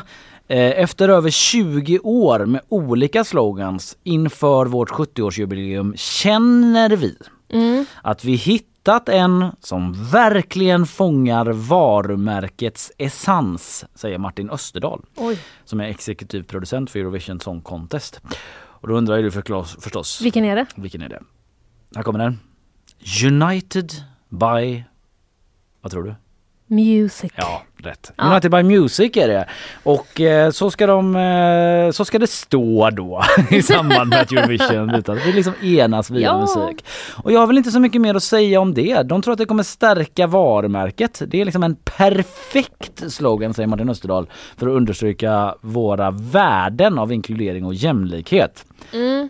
Det ringar in Ska- allt. Ja, jag funderar nu på, skulle vi ha jobbat längre på den här live från GP-huset? Ja, men det ringer ju in våra värden Ja, det bra. gör Att ju. vi är live från GP. Precis, ja. Sen har inte Sant. vi någon sån värdegrund Nej, vi har riktigt. ingen så United. Nej, det är liksom... En för eh, var och en för sig själv, live Ja, från Men jag tycker inte det känns lämpligt av ett nyhetsprogram att ha en värdegrund som, eh, så här, även om det är för jämställdhet och så. Ja, att exakt. Nej. Jag tycker inte det är någonting vi behöver kommunicera på det viset via slogans. Vi jobbar mer med fakta Ja, bara. Tillsammans mot orättvisor, nyhetsshowen. Enade mot dålighet. Linnea Rönnqvist från eh, nyhetsshowen. Ja, Eh, vi kan väl lämna det men jag Ja. tänkte faktiskt att jag eh, skulle quizza dig lite grann. Jag Jo. är ju faktiskt ledig imorgon Mm. och du kommer basa för quizet. Jajamän. Men eh, då är ju jag eh, quiz eh, beroende. Skadad nästan Mm. quiz. Så då var jag tvungen att få med ett litet miniquiz ändå. Och då är det alltså en helt vanlig sant eller falskt rond Mm. där du ska gissa. Är det då en riktig eh, eh, slogan för Eurovision som har varit eller har jag hittat på den? Ja. Okej, du Ja. svarar sant eller falskt. Vi kör den gamla vanliga. The Sound of Beauty. Falskt. Sant 2022. Dreams of Music. Sant. Falskt. Eh, all aboard! Falskt. det är sant, det var 2018. Life Awakens. Sant då. Falskt. Åh. Eh, nästa. Confluence of Sound. Falskt. Sant. Du har alla fel Jag hittills, vet, jag vet. Nästa. Magical Rendezvous. Falskt. Sant. Fortfarande alla fel alltså. Nästa. Stories of Vision. Falskt. Falskt. Rätt. Feel the rhythm! Utropstecken. Falskt. Sant. 2006 var det det. Känn rytmen. Det är för dåligt. Light your fire. Sant. Det är sant. 2012. Joining hands in every land. Falskt. Falskt. Sounds of beauty har jag redan sagt. Ja, vi nöjer oss väl där. Ja, jag räddade lite på slutet i Ja, alla du fall. kom igen. Eh, Ja. Celebrate diversity är en sann. Feel Mm. your heartbeat, the sound of beauty. Här Hash. Ett år hade man... Feel your heartbeat, var den sann? Ja, 2011. Bu. Feel your heartbeat. 2014 var det en hashtag. Enda gången som sloganen har varit en hashtag. Var det så We are one? Nej, men bra förslag. Join us. Come join us. Det låter eh, som att man ska gå med i en kundklubb. Ja, men hashtag Jonas var det i alla fall. Men numera så har vi en eh, permanent då som heter United by Music.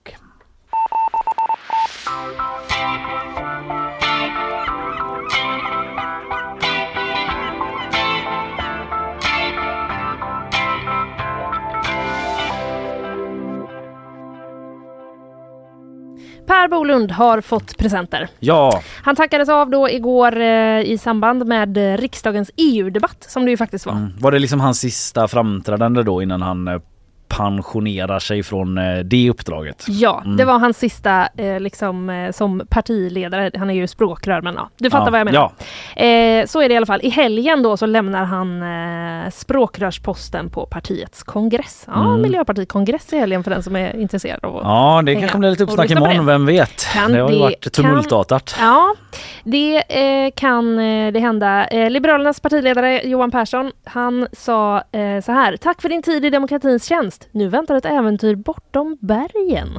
Jaså? Mm, innan han då överräckte en basketboll med autograf. Framgår inte vems autograf. Är det hans egen typ? Eller vadå? Och det här, ska han spela basket bortom bergen? Eller vad? Jag förstår inte. Du, jag har ingen aning. Jag läser i eh, TT har skrivit här en eh, artikel och de har utelämnat viss information visar det Mm. sig. Det är bortamatch eh, bortom bergen för liksom Per Bolunds basketlag. Det är typ så i Borås. Men är han gammal basket? Ja förlåt, berätta vad du, vad du vet även Ja. om det är knapphändigt då. Jag vet ja. inget mer om basket bortom bergen eller autograf. Eh, vems, Basket vems bortom bergen. ja, precis. Bortom bergen basket, att laget heter så. Ja. Franja mot eh, bortom bergen. BBB. Ja, Det är ju ändå ganska slagkraftig logga. ja det är en bra namn. Mm. Ja. Eh, andra presenter läser jag var en begagnad bok om vandringsleder i Stockholm från Magdalena Andersson. okej. Du får den här som jag har läst och inte tyckte var så bra. Began- Men, ja precis, det låter ju som att hon har tagit den ur bokhyllan hemma. Ja precis, men Så, det kan... Vad ska jag ge? Per Bolund ska ju bortom bergen nu. Ja. Eh, Jag måste liksom... måste ha en vandringsbok. Men eh, det kan ju också vara att eh, det kan ju vara miljötänk som ligger bakom. Att hon köper en bok på second hand till exempel. Är du med ja, mig? det kan det ju vara. Ja, Ja. precis. Ja. men jag bara läste här att han är en basketfantast. Ah, Tydligen då. okej. Att, ja, det är en gammal artikel då att han eh, har spelat basketboll. Eh, han gillar basket mycket. Han står ju liksom och snurrar en boll sådär. Oj, Jordan vad style. fruktansvärt otippat att... Eh, oj, ja det där eh, tyckte jag kändes otippat. Visst att han är lång, Det men det är där väl det är ju hans Tinderbild. Ja, ja. Står i riksdagen och bara snurrar en basketboll bara.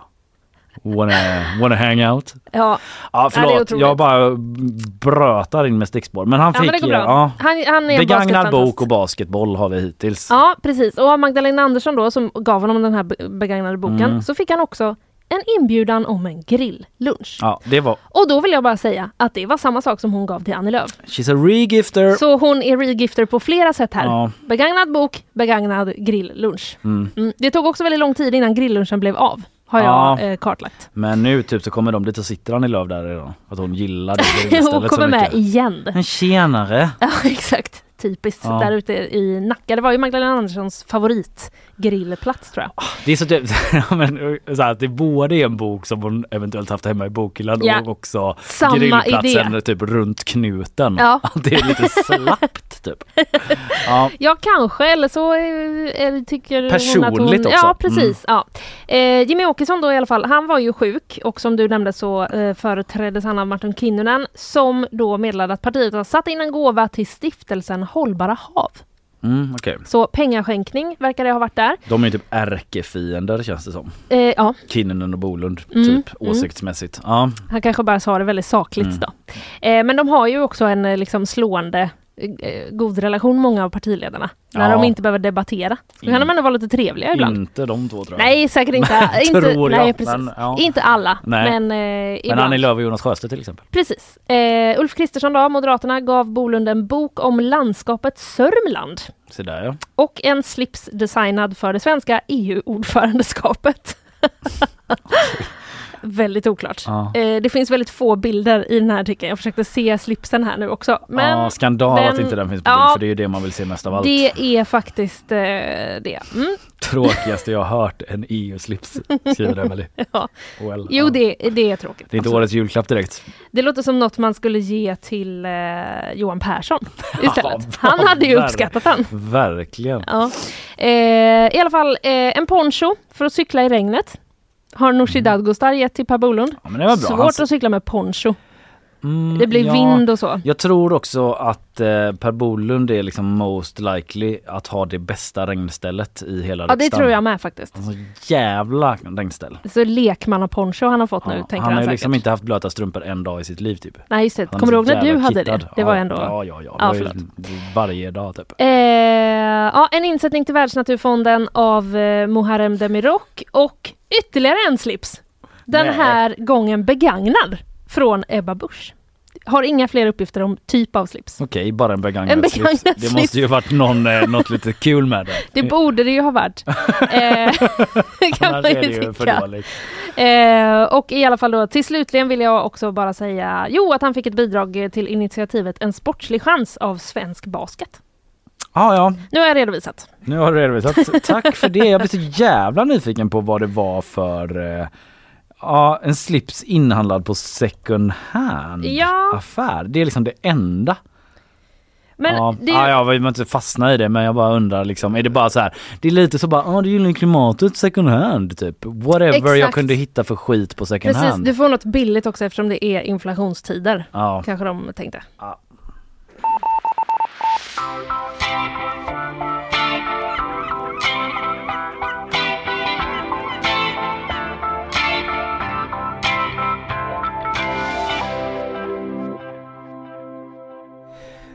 Avslutningsvis eh, vill jag bara ta en eh, liten uppföljning typ. Eh, Vi pratade ju igår om julvärden David Batra som tillkännagavs och det blir ju lite ändringar i jultablån då också. Mhm. Eh, Astrid Lindgren och hennes figurer ska ju få en hel timma på julafton då avsluta, eller avslöjade SVT att det är liksom ett nytt program som slår sig in i tablån. Känner jag att igen att vi har nämnt någon gång. Ja men det har fan, alltså precis SVT avslöjade skriver Aftonbladet men det har ju varit uppe Ja, tidigare är jag mm. ganska säker De, på. det var säkert inför någon sån TV-hösten eller något. Ja, för grejen är att jag minns att vi pratade om det och jag då lanserade jag vet inte om jag var först liksom, eh, men jag i alla fall torgförde idén om att detta är ett första steg i att fasa ut Kalle Anka.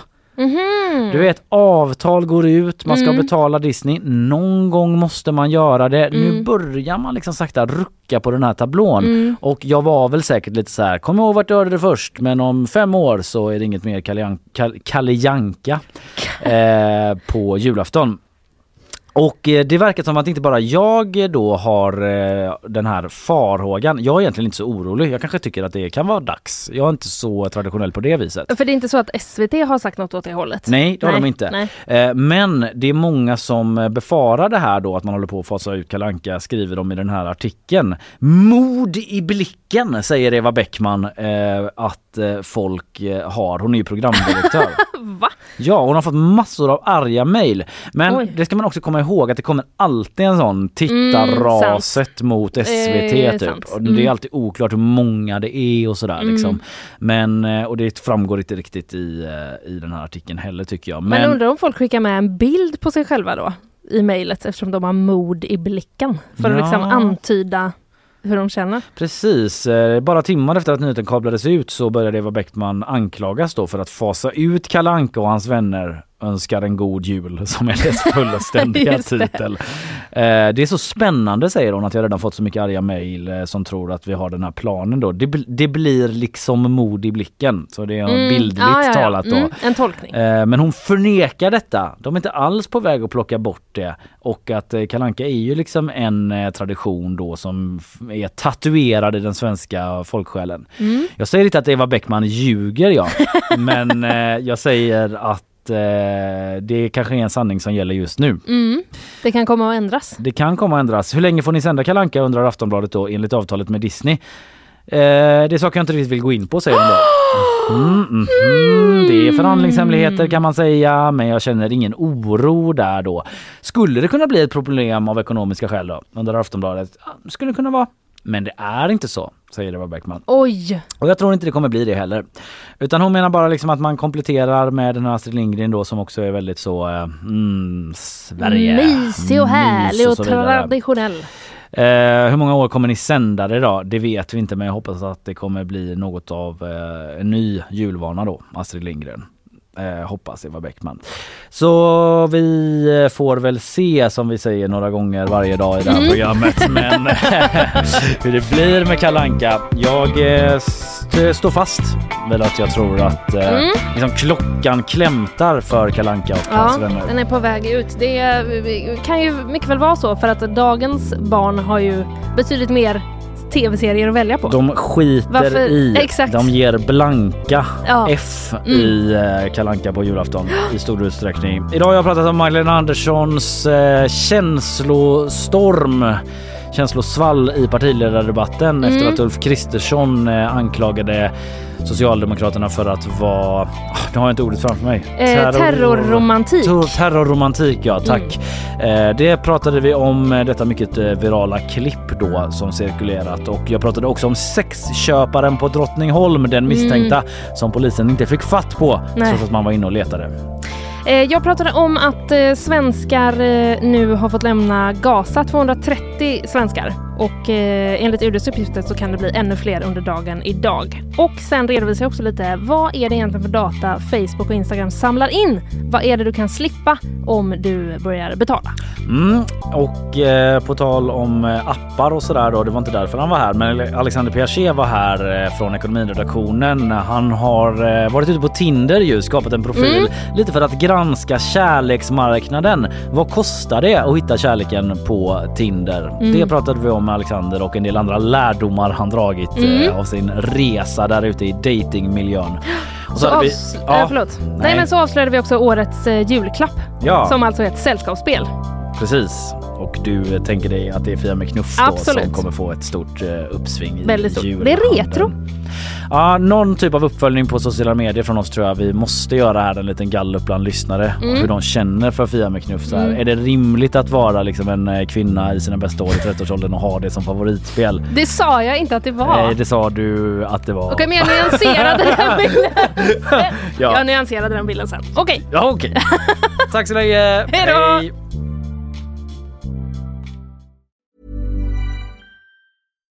Hi, I'm Daniel, founder of Pretty Litter. Cats and cat owners deserve better than any old fashioned litter. That's why I teamed up with scientists and veterinarians to create Pretty Litter. Its innovative crystal formula has superior odor control and weighs up to 80% less than clay litter. Pretty Litter even monitors health by changing colors to help detect early signs of potential illness. It's the world's smartest kitty litter.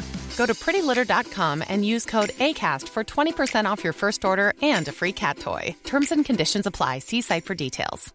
Hey, it's Paige DeSorbo from Giggly Squad. High quality fashion without the price tag. Say hello to Quince.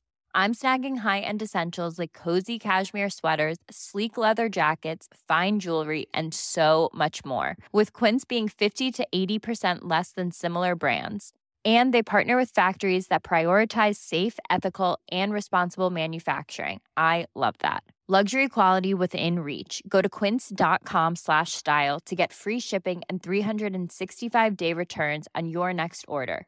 Quince.com slash style.